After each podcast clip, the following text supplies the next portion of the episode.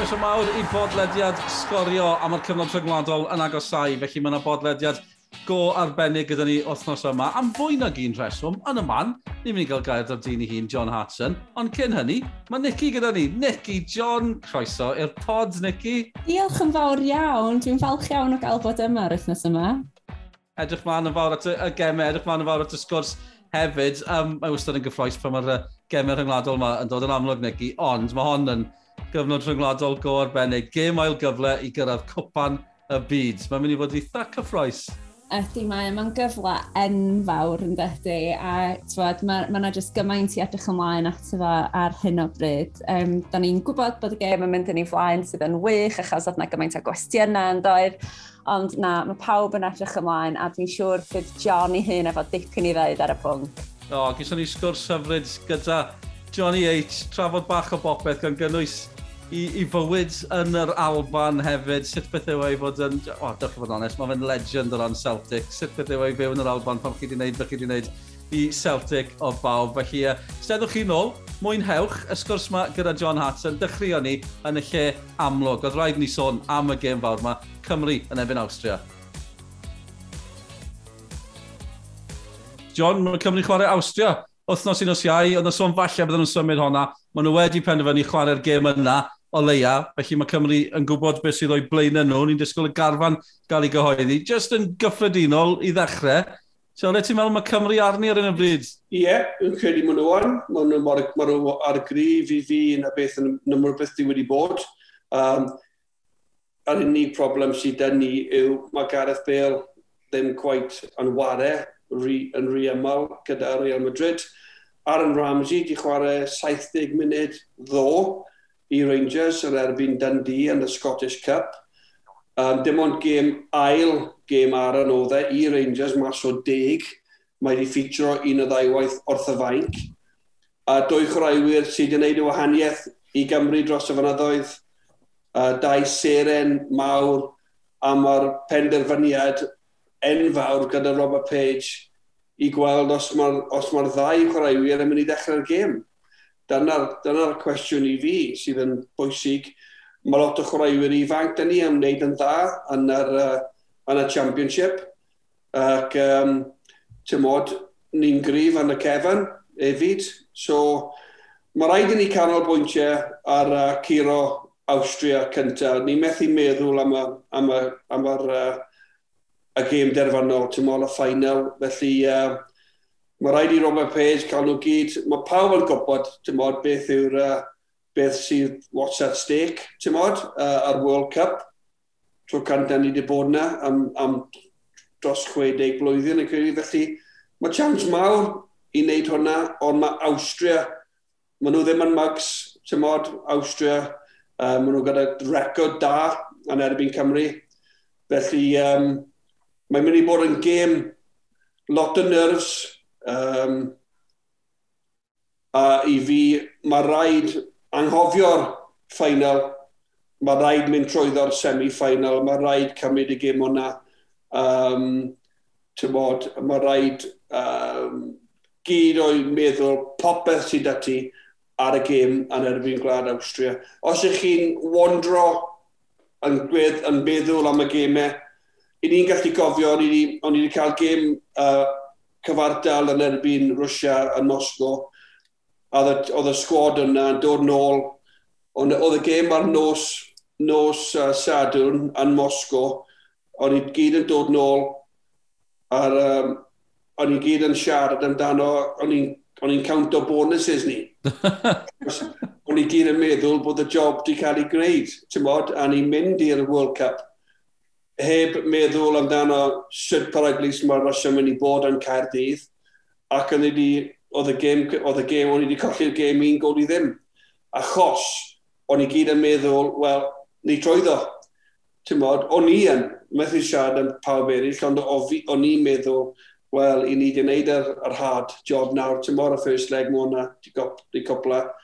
A mae'n bwysig i'r chwaraewyr, a ni'n gwybod mae Robert Page mynd i ddweud hwn, bydd e'n repeatio hwn, i'r chwaraewyr. Tymod, ni gwybod beth, beth sydd uh, dod os ni'n gallu curo Austria, ond um, yn gyntaf mae ma rhaid canolbwyntio i John.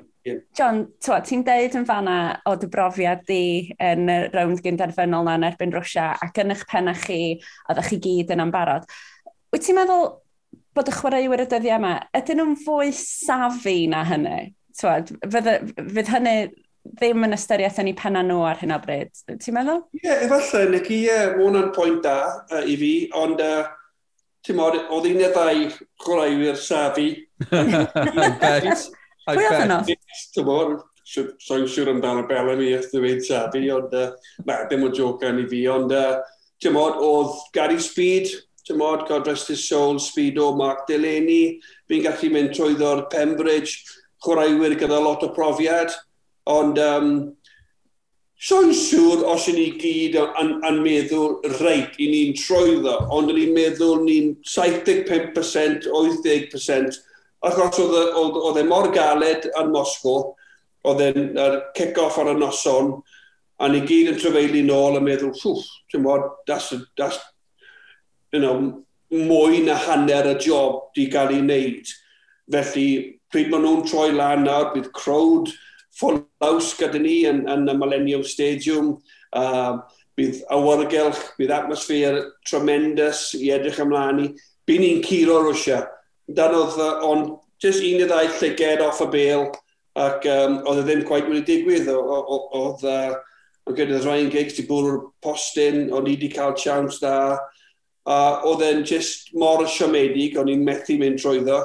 Ti'n be, John, ti'n gweud, o chi'n meddwl bod chi'n na, o'n i yn Mosgo yn gweithio radio, dim chi oedd yr unig rai, oedd y, y reporters, y gohebwyr, oedd y cefnogwyr, achos oedd e'n gymryd o ganlyniad da yn Mosgo, fel ti'n gweud, oedd e fel, waw, ni wedi cael dro, na gyd ni goffa wneud nawr, yw ennill gatre, na gyd ni goffa wneud, yn amlwg mae'n anodd. So, beth sy'n wahanol nawr am ni hefyd, i ddechrau da dim ond un gêm yw i, yn erbyn Austria, achos mae'r ffainal wedi cael ei gohirio, a ti'n e ddim yn two-leg chwaith, felly mae fe'n wahanol. Ti'n fel, Tewa, achos mae just un gêm ni'n chwarae wythnos nesaf bod Cymru'n gallu just canolbwyntio un gêm gadwyn yn Austria. Tiod, yw e'n fwy syml falle? Ie, yeah, mae rhaid taflu popeth mewn i un gêm. Chi methu meddwl, ti'n tymor, am yr away goal rules a pethau fel un. Um, mae rhaid troi lan, mae'r ma chwaraewyr dda i ni'n penderfynu arno. Mae rhaid i nhw bod ar ei gorau, mae rhaid i nhw cael eu meddwl yn iawn. Um, a jyst meddwl, tymod, mae hwn yn mynd i bod yn enfawr i roi'r ochraiwyr ifanc, achos mae, mae siawns i mynd i'r copan y byd, a bydd hwn yn rhywbeth special i nhw, fel chwaraewyr mor ifanc i Cymru, tymod, um, ac wrth gwrs un y ddau o'r chwaraewyr sydd â lot o, lot o profiad. Ond un gêm, tymod, leave it all out there i fi, um, no regrets, pethau fe mae lot o regrets dy fi, o'n i wedi colli chance o mis meson, meson a... Ond mae ma chi methu cael regrets, paid gadael e yn ystafell newid, cyrra fe mas ar y cae, un chance, gwneud yn siŵr bod chi'n neud y busnes. Mae'n mae, mae, mae, mae haws yn siarad amdano fe, ond uh, mae ddim gwaith yn gweithio mas fel yna pryd chi'n chwaraewyr. Mae rhaid cael y tactegau yn iawn, dwi'n siŵr fydd Robert Page Di gwylio Austria nifer o weithiau yn, y, yn y build-up a cael y tactics yn iawn, pethau fel un. Um, a un o'r pwynt mae rhaid siarad amdano fel dweud, i yn gynnar. Tymod, uh, personel, pwy sy'n mynd i ddechrau i'r tîm. Eto, jyst i fynd neidio mewn, sorry John, eto achos mae un gêm yw i, Gareth Bale, Aaron Ramsey, ddim wedi bod yn chwarae fel ni'n gwybod, e er bod Ramsey wedi chwarae fel wedys ti pen wythnos diwetha achos bod nhw ddim goffa poeni, maen nhw ar yr nos iau, does dim ffainal ar y nos fawrth, felly, tiod, falle bydde Bale a Ramsey ddim yn gallu chwarae doi gêm masif o fewn pedwar diwrnod. Nawr, yw yn haws i Robert Page, mae fe'n gallu chwarae nhw, dim goffa poeni am resto nhw o gwbl, achos eto, just un gêm yw i.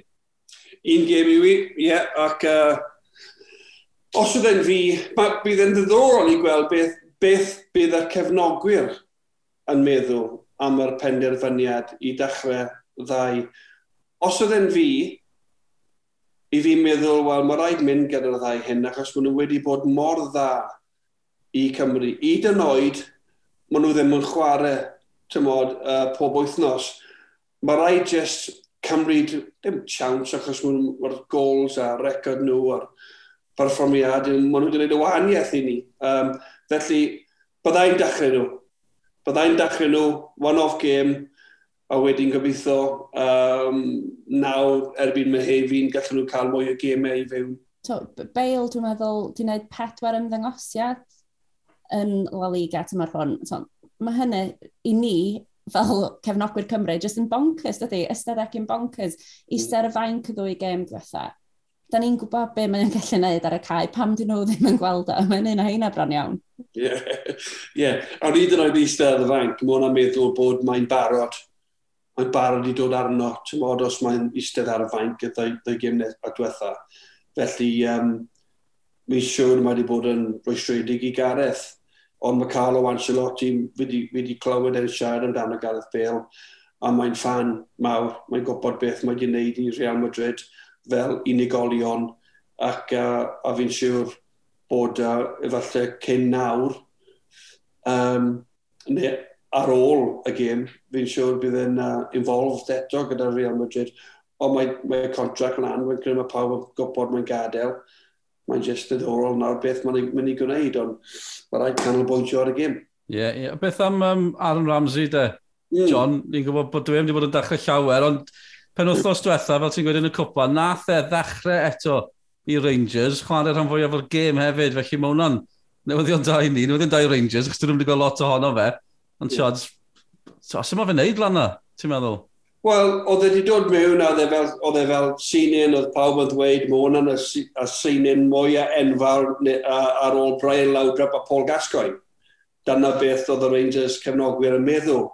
Ond mae wedi bod yn rwystredig i Aaron, uh, dyma bach yn siomedig i fe, am personol, achos mae ddim wedi cael y siawns i wario. Mae Rangers yn yr... Uh, maen nhw nawr yn yr uh, Mae gêm yn erbyn um, Red Star Belgrade wrthnos nesaf i, i dweud os maen nhw'n gallu mynd trwyddo'r uh, oeth ola, quarter-finals am y Europa League. Maen nhw'n gwneud yn dda yn Europe, mae ddim quite i ffitro yn Europe eto i nhw. Ac uh, oedd y diwaredd ddo yn erbyn Dundee, uh, tair gol i ddim, oedd Rangers di ennill y gêm, a oedd wedi dechrau'r gêm. Felly gobeithio mae wedi gwneud digon nawr i chwarae mwy o gemau. Mae wyth cup finals ar ôl um, yn yr uh, yn yr, uh, yn yr lig. Um, felly mae'r ddau clwb, o Celtic yn tri phoint o flaen. Mae mor, mor agos tam o'r un ar ôl Rangers ennill y pencampwriaeth uh, blwyddyn diwetha. A mae Aran wedi dod mewn i'r clwb i wneud wahaniaeth, i gwneud Rangers yn well.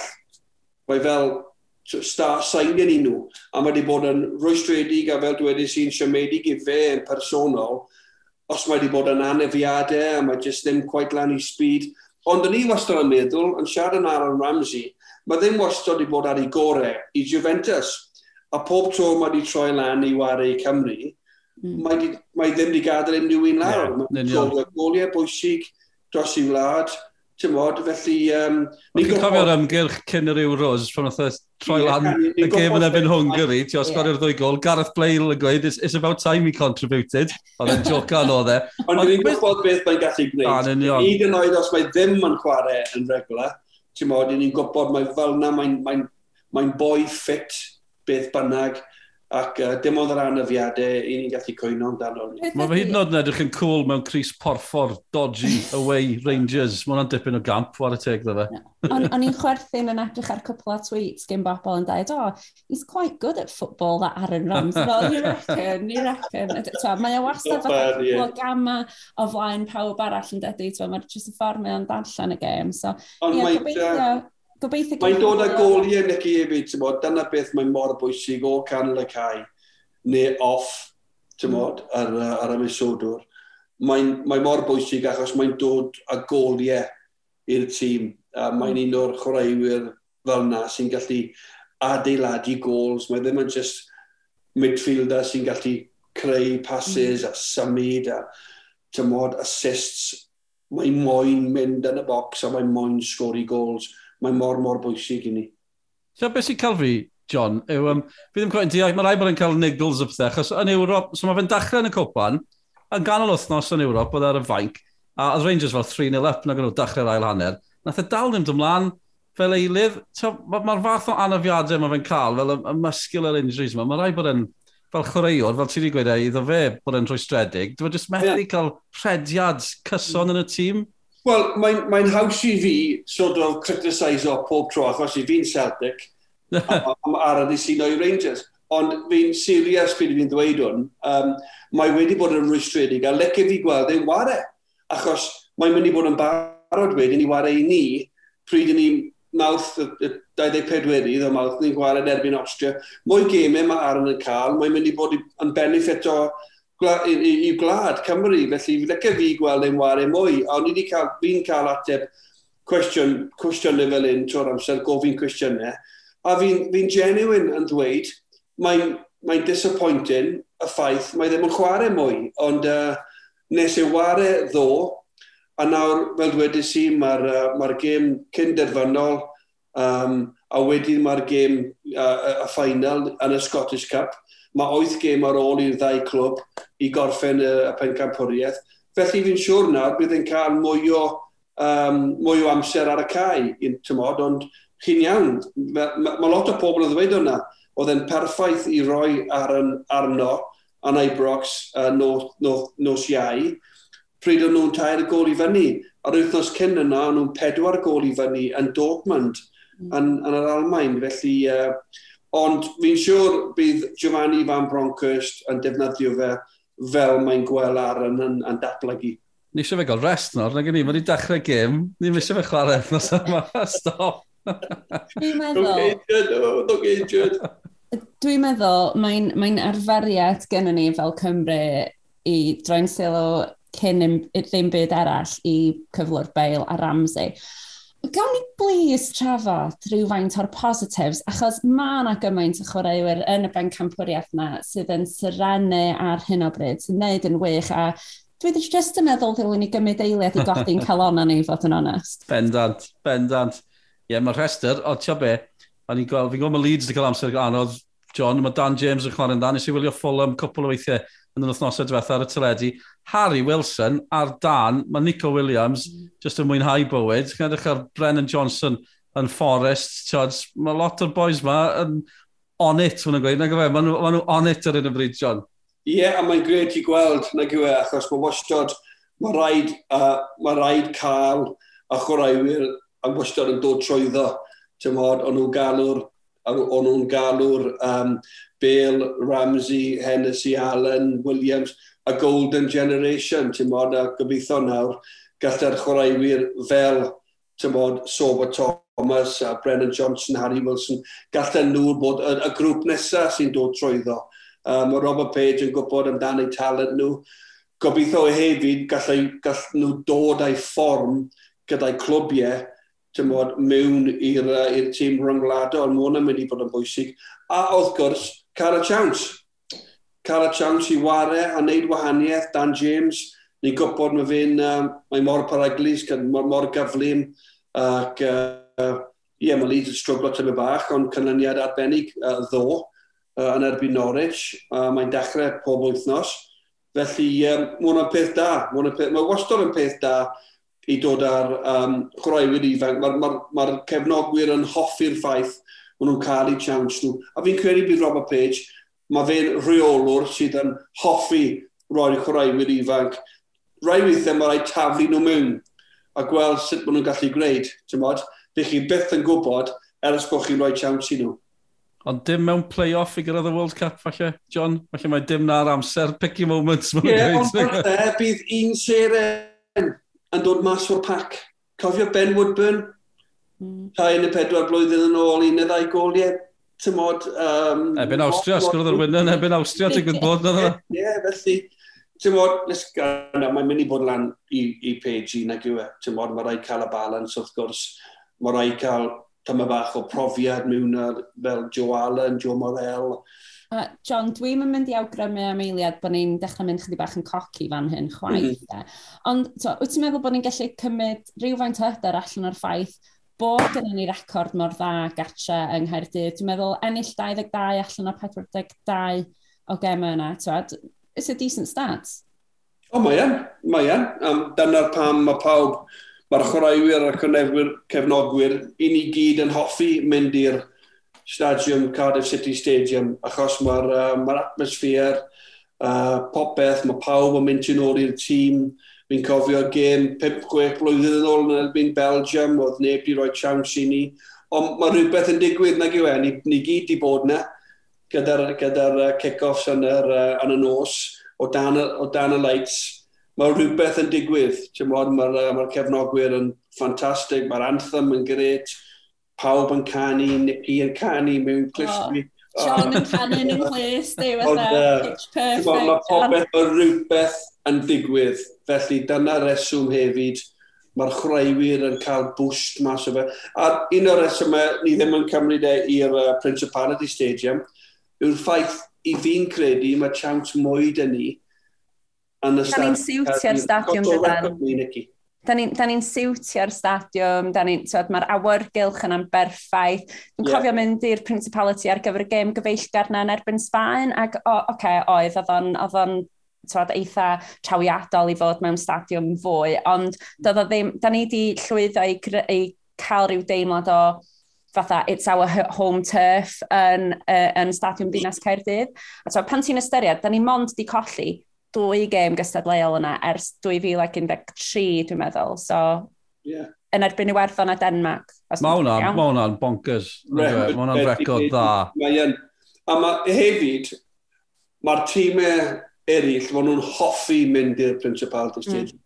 Maen nhw ddim yn hoffi dod i'r Cardiff Stadium, mm. achos mae'r mae'n anodd i nhw ennill. Ma, ma, achos mae'n, uh, fel dwi wedi si, mae'n a national stadium, a mae fel Champions League, a ma, fi wedi sôn am hwn fel West Ham, a West Ham yn gwneud yn dda iawn nawr, ond ar ein Upton Park, oedd neb dim tîmau moyn mynd na. Na fans. Oedd nhw'n agos o'n nhw'n bron yn gallu tytio chi o'r, or, or, or, or stands. Ti'n gwybod beth dwi'n meddwl hefyd? Mae'n ma, teimlo'n fwy, mae'n deimlad o fatha fwy fel uh, club ffwtbol yna does. Mae'n mm. mae teimlo fel mynd i glwb sydd yn anodd i chwarae ni herbyn. Mae pawb arall yn fatha ansicr am fynd yna. Yeah. Ac actually, mae hynny'n bwynt am garfan Cymru full stop, dwi'n meddwl. Maen nhw'n teimlo yn fwy fel tîm pel droed yn hytrach na bobl yn dod at ei gilydd bob hyn a hyn i chwarae gêm rhyngwladol. Ie, yeah, a dyna reswm, dyna reswm ni wedi bod mor llwyddiannus. Achos mae, oedd Chris Coleman wedi gwneud e, oedd e fel, oedd e fel tymor tîm, um, a wedyn ar mae Robert Page ar ôl Ryan Giggs di wneud yr un peth.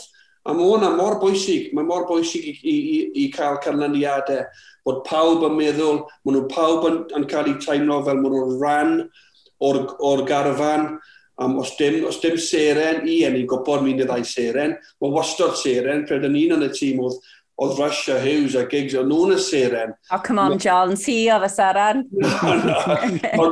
Mae nhw ddim, ma nhw ddim yn dod â gyda big egos a pethau fel un, mae pawb yn yr un peth, ni'n wario dros yn glad, ni gyd yn proud, ac um, mae hwnna'n beth uh, bwysig.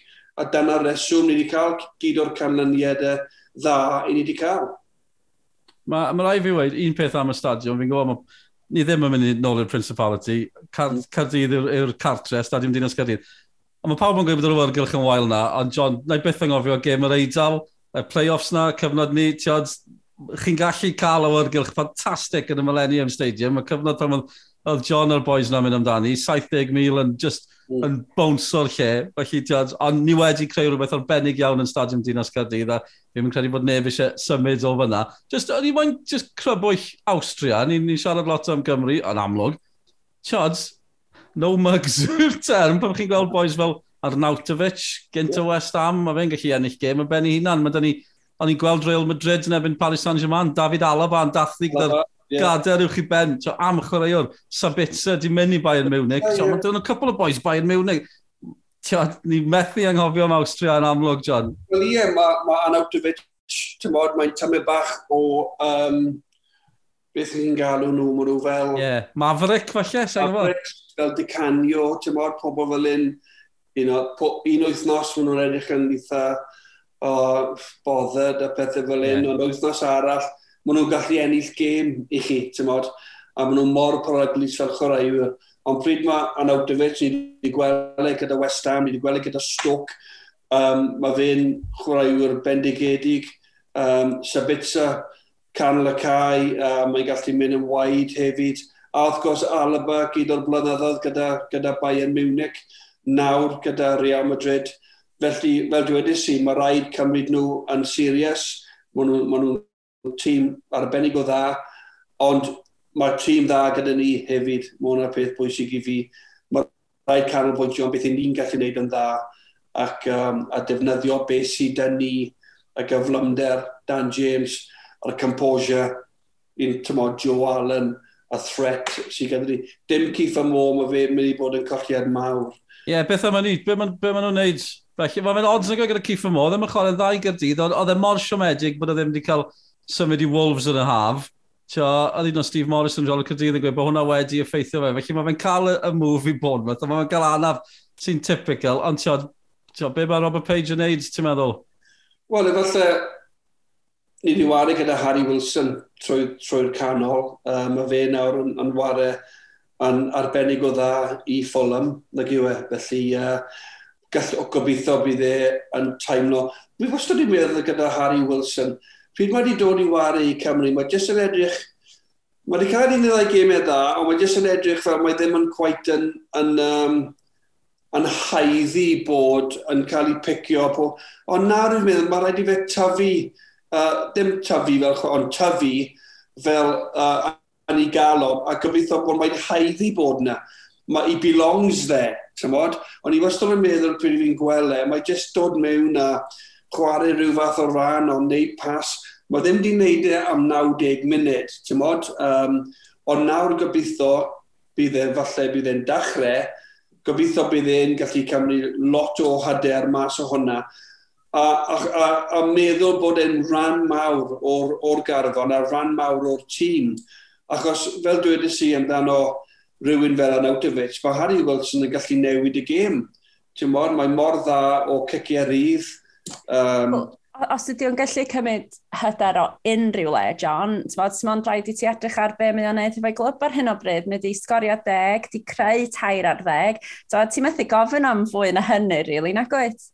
Na, na, a fel dwedais i, mae wedi bod yn arbennig i clwb i fe, ond pryd mae'n dod mewn i'r garfan mawr i Cymru, mae rhaid i fe teimlo fel mae'n teimlo i Fulham. Hmm. Dyma, dod ar hyder mewn i'r tîm ryngwladol are the word, right, I belong here, this is my number, I, I'm wearing the number nine, this is me, tomorrow we're doing Troy Lan. Ti'n gweld, yw hwnna'n um, wir gyda gemau rhyngwladol, tiod, pam o, o ti wedi gweld chwaraewyr yn dod mewn i, i squad Cymru, neu cyrraedd Celt, ti wedi chwarae i clybiau masif, John, tiod, Arsenal, obviously, tiod, West Ham, ond o ti'n gweld chwaraewyr o digon da, ond falle ddim digon hyderus, a bod nhw'n just angen bach o... Dwi'n dweud amdano Harry Wilson, mae ddim yn criticism, fi'n fi, fi gwybod mae'n chwaraewyr arbennig o dda, e, fi'n fan mawr iawn o Harry Wilson. Ond pryd ych chi'n dod mewn i'r garfan, mae rhaid, mae rhaid tyfu tyme bach, stick your chest out, a meddwl, right, I belong here. Ti'n mwyn bobl Cantona gyda ti, collars up, shoulders back, come on. mae rhaid, mae rhaid neud e, mae rhaid bod y wahaniaeth, mae rhaid tymod, uh, sefyll allan mewn crowd. Ac uh. So, ydy o am ego felly, John? So, ydy o'n ydy ego thing felly? Ydy o'n dod ar ego na hefo ti? Mae'n siŵr os dwi'n ego, falle mae'n just yn, maybe, falle dangos tyma bach mwy o hyder. Tymod, achos chi'n chiwrau wir dda iawn. Chi'n chi haeddu bod yma paid meddwl bod chi ddim haiddi bod chi rhan o'r, or, or tîm, Mae gallech chi yn y tîm wneud wahaniaeth i ni. Ti'n modd? um, ni'n gwele gyda Joe Allen, ni'n gwele gyda Ramsey a Bill. Efallai, ti'n modd, pryd ych chi'n ifanc efin, o'n i'n eitha siai, credu yn neu ddim. O'n i yn, o'n i, i wastod yn tyma bach yn edrych lan at pawb, a edrych i Ian Rush a Dean Saunders a pobl fe'n meddwl, o, ti'n modd, o'n nhw'n sefyll, o'n nhw'n eistedd yn y cefn o'r bws o'n i lawr y canol neu lawr y, lawr y ffront o'r bws. A o'n i dros y fynyddoedd, chi'n chi, chi mynd lan yn agosach i'r cefn. Hogia drwg yn y cefn. A mwy o, capiau chi'n cael, chi'n haiddi eistedd yn y cefn, ti'n bod? a wedyn oedd e'n gigs, Savage, Bellamy, fi, o'n i gyd yn y cefn o'r bus. O'n i dechrau bant, oedd e'n Rush, Hughes, Southall, pobl fel un, ti'n bod, Gary Speed, gigs. O'n i lawr, lawr y, y ffrant o'r bws dyna fel i fi'n gallu Mod, uh, mynd amdano. Mae hynna, ma hynna net fi o dyddiau ysgol, lle oedd y plant drwg i gyd yn eistedd yn y cawn, a rei bach tawel yn y ffrant. Gellwch, o'n i yn y ffrant wrth gwrs. O oh, ie, yeah, fi'n gallu creid hwnna, ie. Credu hwnna. Um, ti gyda profiad, wrth gwrs, John, o gemau fel un. Dyn nhw'n digwydd yn aml. Gem ail gyfle i gyrraedd cystadleuaeth Rwysia 2000 a thair. Tiad, o ti sôn yn gynharach am um, oedd pawb o'r bonuses. Ti'n meddwl bydd, bydd y garfan yma yn, yn gofyn am y bonuses cyn y gêm yn y bydd Austria? Mae mi wad bonuses mwy yn o'n i arno. Dwi'n gallu dweud o'na nawr. Ond uh, na, o'n i gallu cofio oedd e'n campaign arbennig o dda a Ciro a'r Eidal. Um, pedwar, o'n i wedi ennill y pedwar gêm cyntaf mas o pedwar. Felly, sôn am roi eich hunan mewn sefyllfa dda i, i mynd ar yr ail uh, stages o'r uh, group games. Um, oedd e'n methu dechrau off yn well, mynd mas i ffindir ac ennill. Um, Ciro yr gatre, Azerbaijan dwy waith gatre a yn y stadiwm Millennium ac o'n i'n ar, on i, ar y brig o'r, or, or garfan, o'r grŵp, sori. Ac uh, a wedyn o'n i wedi cael anafiad, o'n i wedi colli'r gêm yn erbyn Serbia, ac oedd, oedd y tîm yn eitha consistent, tymod, oedd y tîm ddim wedi newid, oedd yn Bellamy, Hartson, Be Giggs, Giggs Hartson, a oedd yn uh, Robert Page, Robbie Savage, Simon Davis, oedd yn Speed, uh, Melville, Gabidon, Dylan. Hembridge yn ganol cae yn clymu'r cyfan, a beth oedd tîm? Oedd yna'n y tîm. A so'n cweith yn gallu cofio os oedd y tîm wedi newid am y pedwar gêm cyntaf. Falle un neu ddau subs yn dod arno. Ond pryd ych chi'n cymryd rhywun sydd yn mor bwysig i'r system a'r ffordd yn ni'n ware, oedd Mark Hughes, oedd e jyst moyn cael y bel mewn i fi, a wedyn oedd Bellamy a Giggs oedd opsiynau da fi. Um, o'n i'n dale i fyny, o'n i yn prime, o'n i'n o'n i chwarae Celtic, sgori goliau pob wythnos. Ac uh, o'n i, on i reit glan i, i, i, mynd i'r i, i qualifio, ond uh, oedd e jyst i mynd yn eitha jyst mas o'r awi, oedd e jyst i, a wedyn o'n i wedi mynd mewn i play-off, ond erbyn Rwysia, fi gallu cofio mynd mas i Rwysia, oedd e mor o'r. Oedd e'n freezing. E, oedd e mor o'r, ac uh, oedd, oedd, miloedd o cefnogwyr yn y stadiwm, y stadiwm enfawr. So'n credu os oedd e'n os oedd ydw'n full stadiwm achos oedd ydw mor fawr uh, yn erbyn Rwysia. A wedyn, o'n i wedi cael gêm cyfartal, uh, dim dim, ac oedd e'n canlyniad bendigedig i ni mynd mas i Rwysia am ddeffynnu mor gryf a ddau sitters, uh, Savage a Pembridge o flan yr amddiffynwr, fel oedd rhaid i nhw torri chwech lawr um, i ni. Ac uh, a wedyn ar y ffordd nôl, o'n i'n cael chat gyda'r boys a o'n i'n teimlo fel o'n i, bron wedi wneud e. Ti'n modd, oedd y gêm yn dod lan ar... Ond credu oedd e'n nos fawth. Ac oedd e jyst yn noson, oedd o... So i'n gwybod os oedd y, oedd y roof ar gael, ar gael? Dwi'n mynd cofio os oedd y to ar gai. Oedd yr un o'r e swaith yna. Oedd e jyst popeth. Mm. Oedd popeth yn set up i ennill y gêm a mynd trwyddo i'r... Um, i'r fe copa'r y byd oedd e? Uh, Euros, 2004 oedd e byddai wedi bod. I'r Euros. Yr Euros yn Portugal. A oedd e just ddim gwaith i digwydd ar y nos. Rho syniad i ni, fatha, sut ydy'r profiad yna i chwaraewr? Achos, to, fydden ni sôn am, so, da ni wedi cael profiadau fel cefnogwyr ac yn y blaen o'r tu allan yn edrych i fewn a da ni wedi byw twa, drwy'r cyfnodau cyffroes yma. Ond i chwaraewr, mae'n brofiad hollol wahanol eto yn dydy. Be, be sy'n aros yn dy gof di o'r profiadau yna? Wel, oedd e'n peth, peth mwyaf yn, yn byd fi i wario dros i Cymru. Tymod, ond um, fel chi, pryd i chi yn, pryd i chi yn yr, uh, y moment, chi ddim quite yn meddwl am pethau fel yna, chi jyst yn meddwl am gwneud y job, um, gwneud y cefnogwyr yn hapus, wneud, wneud beth mae'n rhaid gwneud i helpu tîm allan y chwaraewyr eraill. Dwy y job, and if you do your job, a mae pawb eraill yn neud jobs nhw, bydd ni'n ennill. Oedd o'n bystod i fi, oedd gigs a Bellamy, oedd, oedd, oedd lot o um, cyflymder o gwmpas i fi, oedd nhw'n creu lot o chances. A oedd, oedd, chi ddim quite yn meddwl, pryd i fi'n fi cwpla, a pryd i'n mynd tynnu lan, oedd e wastod yn rhywbeth o'n i moyn gwneud, ti'n modd, i chwarae dros Cymru. Ond pryd i chi yn y moment, um, chi jyst yn meddwl am job chi, chi jyst yn meddwl, just get it done, a wedyn, pryd fi wedi cwpla chwarae, gallai edrych yn ôl, um, a dyna beth oedd wastod yn attitude fi, a, a gwedd fi ddweud y gwir.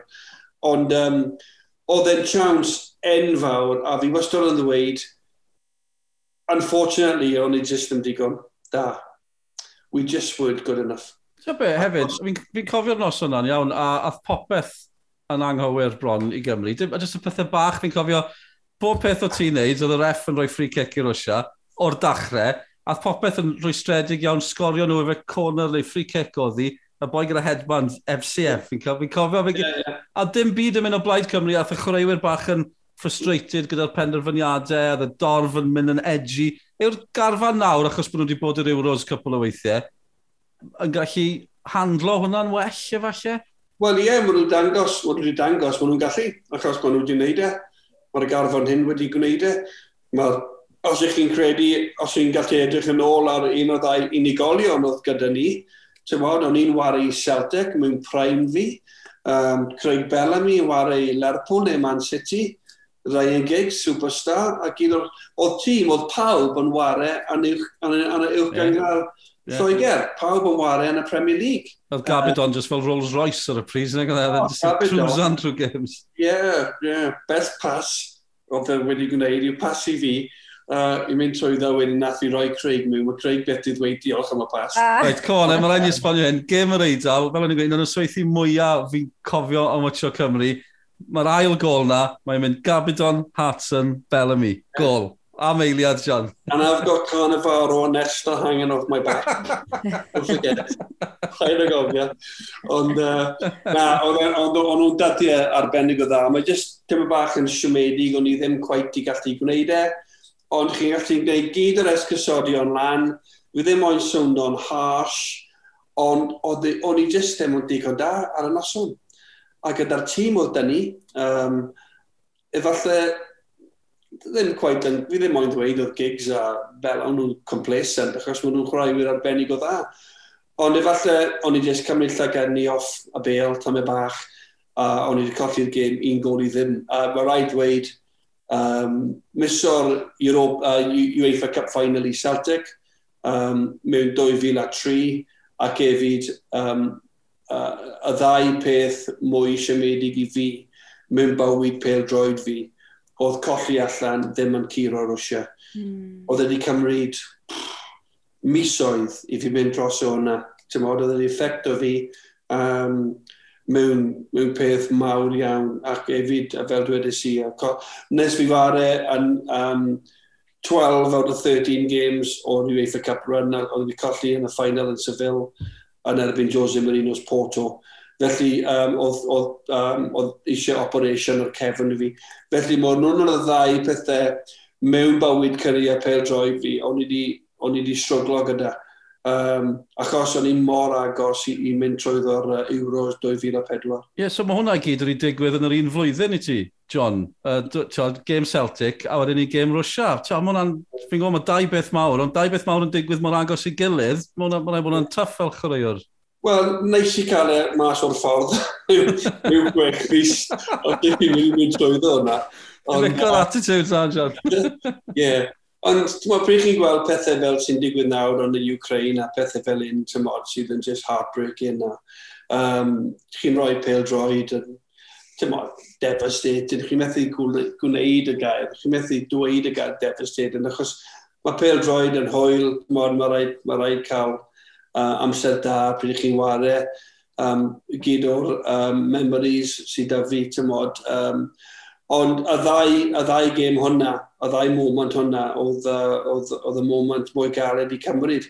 A wedyn, ti'n mod, mae lot o highs a mae lot o lows, mae rhaid cadw balance tymo, trwyddo, trwyddo eich bywyd, dim, dim dis bywyd pel droed chi.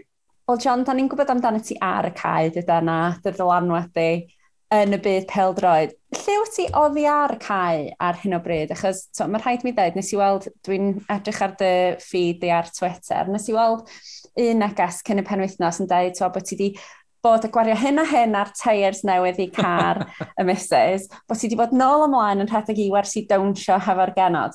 Ond yn bwysicach na hynny bod ti'n brysur drwy'r dydd yn paratoi snacks ydyn nhw.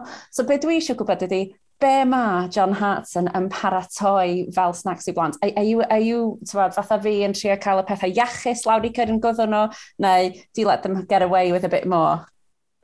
Wel, i fi'n trio aros yn fisi, i ddweud y gwir, a mae... Ma, fi'n byw gyda pedwar merch ar cu Bela. I fi methu gwneud unrhyw fath o penderfyniad, fi methu dewis ffilm ar y tylu, methu dangos beth i fyta, mae pawb yn, aim, mae popeth, fi jyst yn mynd gyda fe, i ddweud y gwir. Um, Ond na, fi'n fi fisi, fi'n um, fi, fi lico wneud pethau gyda'r plant. Ond fi yn lle da, fi'n, fi mae, mae iechyd fi'n da ar ôl cael ar, ar canth, y cancer battle mewn 2009, felly fi wastod yn meddwl nôl gall pethau bod yn lot uh, wath na nhw yn. Pryd mae pethau, pryd fi get a bit down now, now, uh, fel pob, fel lot o pobl. Um, dwi wastad yn meddwl nôl a, a, a dweud wrth un yn wel. Fi'n gallu cofio beth o'n i wedi mynd trwy ddo, felly mae pethau lot yn well nawr. Um, mae iechyd fi yn da. Um, a fi'n hapus, mae lot o waith arno gyda fi uh, lan yn yr Alban nawr. Uh, fi wedi bod lan mae pimp blwyddyn. Mae hwnna jyst i hedfan uh, pimp blwyddyn nawr, ond on, on, i'n pimp blwyddyn gyda Celtic fel chwaraewr yn Glasgow, a nawr fi'n byw yn Edinburgh uh, dros pimp blwyddyn. Felly fi'n fi, mwynhau Edinburgh. Um, Ni'n byw yn Little Village fach, um, a fi'n... Um, mae pethau'n mynd yn dda iawn, mae pethau'n gred, i fi'n fi hapus, a Timod, I just get on with life, Nicky. That's what I do, I just get on with things. Ie, yeah, wel, dwi'n mynd gweld bai arna ti.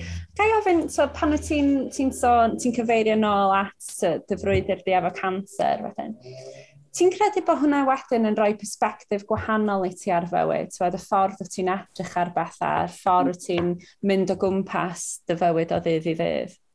O, oh, ie, yeah, 100%. Mae di newid fi yn hollol.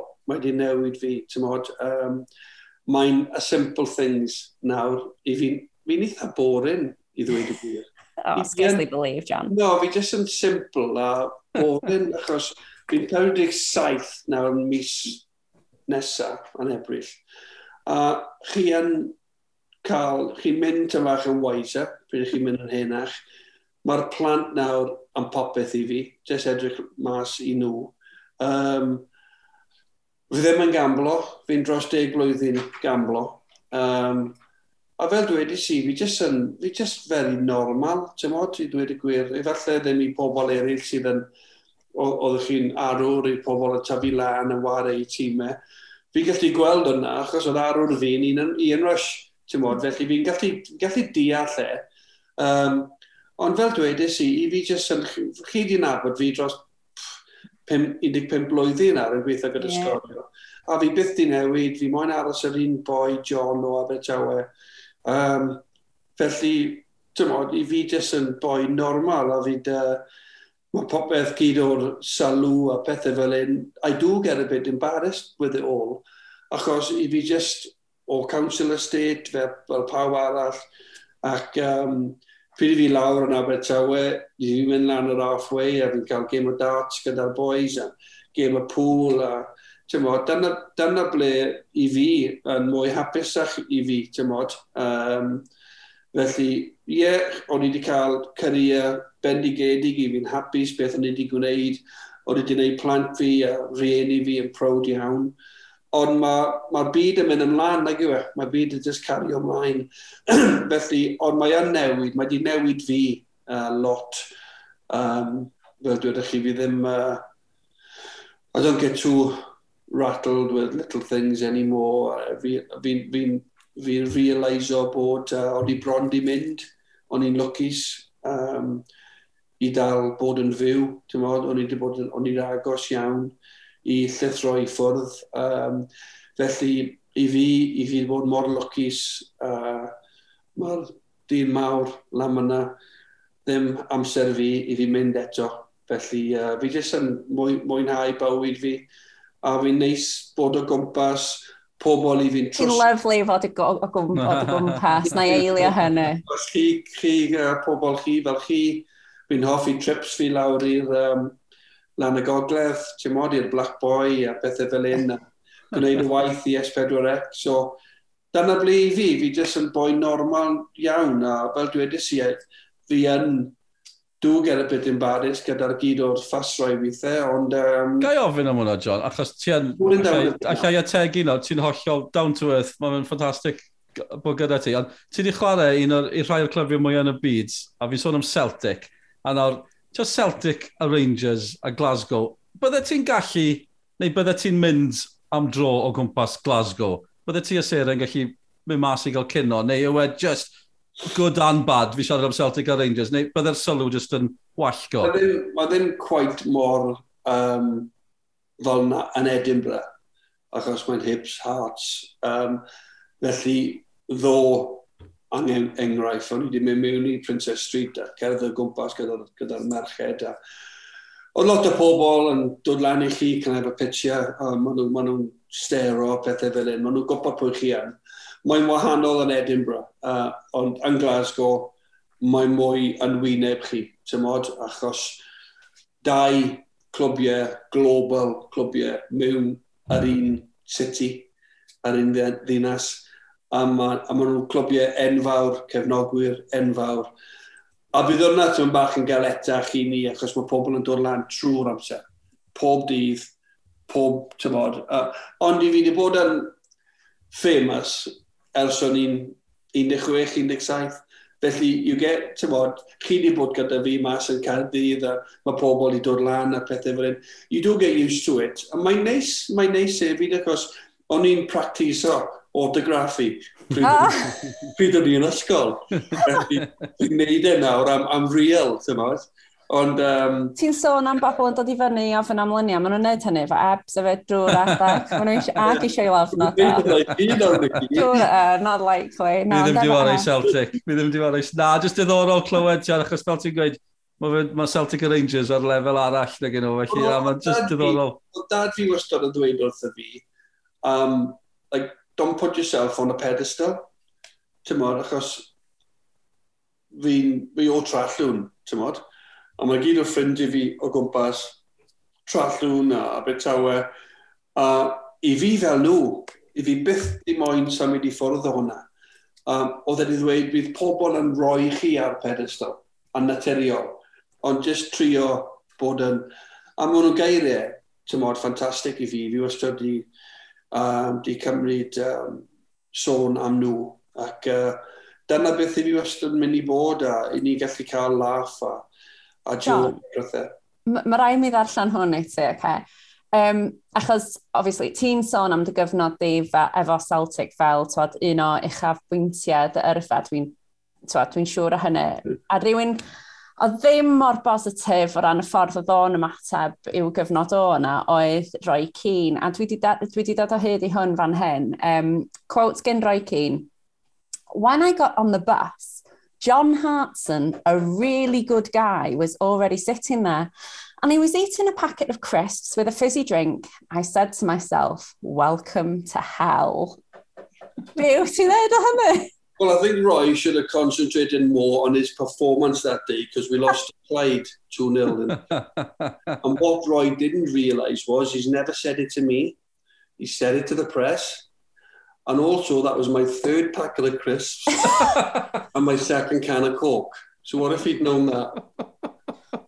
Wel, I mean, oh. dyma ni fwy oedd yn, oedd yn ôl bob sôn, oedd wedi peintio'i lolfa yn, efo pent du yn ystod i ddyddiau hefo United, Manchester United. Um, twad, mae, mae o yn gymeriad cymlaeth. Be, be di dy, twad, be di dy brofiad di? O, twad, sut wyt ti? Wel, o'n i'n chwarae gyda Roy, am chwech mis yn, um, yn Celtic ac o'n i wedi wario yn testimonial a roi cyn yn erbyn uh, oedd wedi wario'r hanner cyntaf i Manchester United a'r ail hanner hanner i Celtic a fe newid crisau mm -hmm. ac uh, Ronaldo di ennill y gêm un gol i nil uh, un gol i ddim oedd e uh, ond wedi curo ni un gol i ddim Arnold Trafford mewn testimonial roi Celtic fi Man United mm oedd 20,000 o cefnogwyr Celtic wedi dod lawr am y noson. Um, mae Celtic yn tîm um, o'r Iwerddon, um, lot o cefnogwyr o'r Iwerddon, yn nhw'n caru roi cyn wrth gwrs. Felly oedd y stadiwm noson yna. A nas fi ddweud wrth y roi, nath fi ddweud wrth y roi, why are you retiring? Tymod, you were the best player on the pitch tonight. Oedd e ydi redig y gym. Ac uh, oedd eisiau fe dwy um, hip operation newydd, two hips, a dydw i John, mae hips are totally gone, ti'n modd.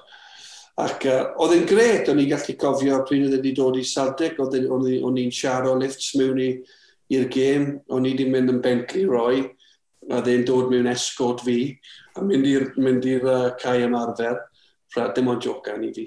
Ydy, um, ydy o really mor intense a mae o'n dod drosodd fel, fel personoliaeth? Na, na oedd e'n ffantastig, oedd e'n gret i gweithio gyda.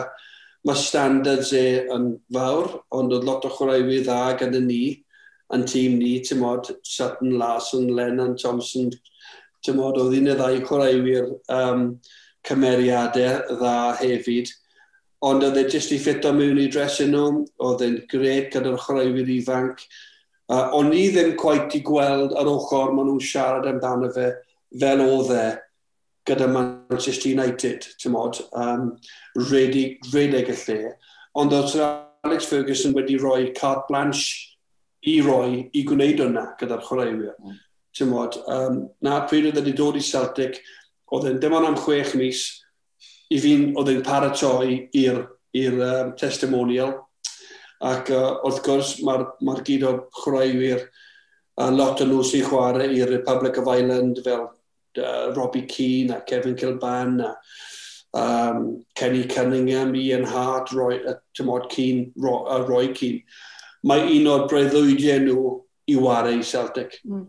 Felly oedd yn e e meddwl siwd gymaint o'r clwb nath e, nath e tyfu lan Roy Keane fel Celtic supporter. Maen nhw gyd sy'n dod o'r Republic of Ireland gyda siwn faint o barch i Celtic fel clwb, fel cefnogwyr. Oedd e'n dream roi i dod hyd yn oed, oedd e dim ond am six mis.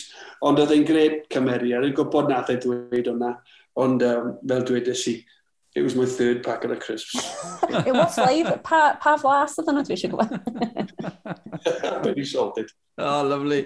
Um, yw roi cyn yn dy tîm gorau di erioed, John? Ni wastad yn gofyn pobl i ddewis five-a-side tîm. Bydde roi cyn yn, yn cyrraedd y five-a-side tîm gorau no, dim am quite, ddewis? Dim quite. Ti'n moyn five-a-side tîm fi? O, oh, pam lai. Fi'n edrych man ar hwn. Yeah. Right, Wel, mae'r gol gaidwad fi gallai mynd am Seaman, ond oedd e'n um, a Southall, ond wedi wario gyda Southall a David Seaman i clwb i Arsenal. Fi wedi mynd am Big Nef, achos yn yr 80au oedd Nef yn golgeidwag gorau yn y byd, yep. Nefel Southall.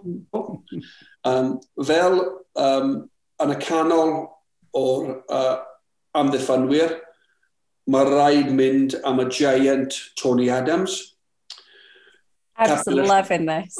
Cap yn y Lloegr, captain o Arsenal, 23 blwydd oed. Dyn special iawn. Um, wedi delio gyda gyd o'i problemau, set lan y Sporting Chance Clinic wedi helpu miloedd o chwaraewyr ifanc gyda problemau nhw. Fantastic man, um, great leader, skipper, na dyna beth o pawb yn galw e. Ti'n beth yw'r top stat fi am Tony Adams, John? Yr unig captain i ennill, wel dim Premier League, ond y league, y tri degawd gwahanol. 80s, 90s, 90s. Not bad, na gyda. E? Not brilliant, bad. Great man and a brilliant captain. Felly Southall, Adams, fi mynd am Burkamp, Larson, sorry, Burkamp, Giggs, Larson. Waw. Mae nhw, ond gallai enwi dwy tîm. Gallai ddweud Keane, gallai ddweud Merson, gallai ddweud um, Martin Keown, gallai ddweud uh, Seaman, um, Chris Sutton, Craig Bellamy. Fi wedi gadael siwr gymaint o chwaraewyr magnificent allan, ond os yn rhaid i fi pigo pimp, oes dim lot o chwaraewyr gallu wario mewn y canol y cae, felly um, maen nhw'n y top. Southall Adams, Bergkamp, Giggs, Larson. Wonderful. Dwi'n meddwl, ddylen ni roi ti dy hun i fewn yn anrola hefyd, John, chwarae teg i ti. Well, mae rhaid, mae rhaid bod hwnna yn anhygoel rwan. Twad, I fod lle wyt ti rwan ac i allu edrych yn ôl a meddwl, waw, twad, ti di chwarae hefo enwau mwy adolanwadol, ser y byd peldroed, twad, mae hwnna yn anhygoel. No, diolch, ond dwi'n nes i, pryd ych chi'n chwarae gyda nhw, chi jyst yn teammates tymod, chi jyst yn teimlet a chi moyn helpu allan i gyd, a chi ddim quite yn meddwl, oh, I'm going to a pitch with Adams today. Ond nawr fi wedi retire a gallu edrych yn ôl, oedd y dyddiau yna mor special, 19, torri record, Britain's most expensive teenager ar yr amser, mynd i Arsenal, a wedyn torri record West Ham, a wedyn torri record Wimbledon, 7.5 million in 1999 ti'n bod, 23 years ago. Mae hwnna'n dros cant o miliwn nawr o bunnoedd os ych chi'n edrych arno fe fel yna. Felly, chi'n gallu edrych yn ôl o ddweiniau gred, ond ar yr amser, chi ddim coed yn cymryd popeth mewn. So, a faint oedd oedd ti? 19?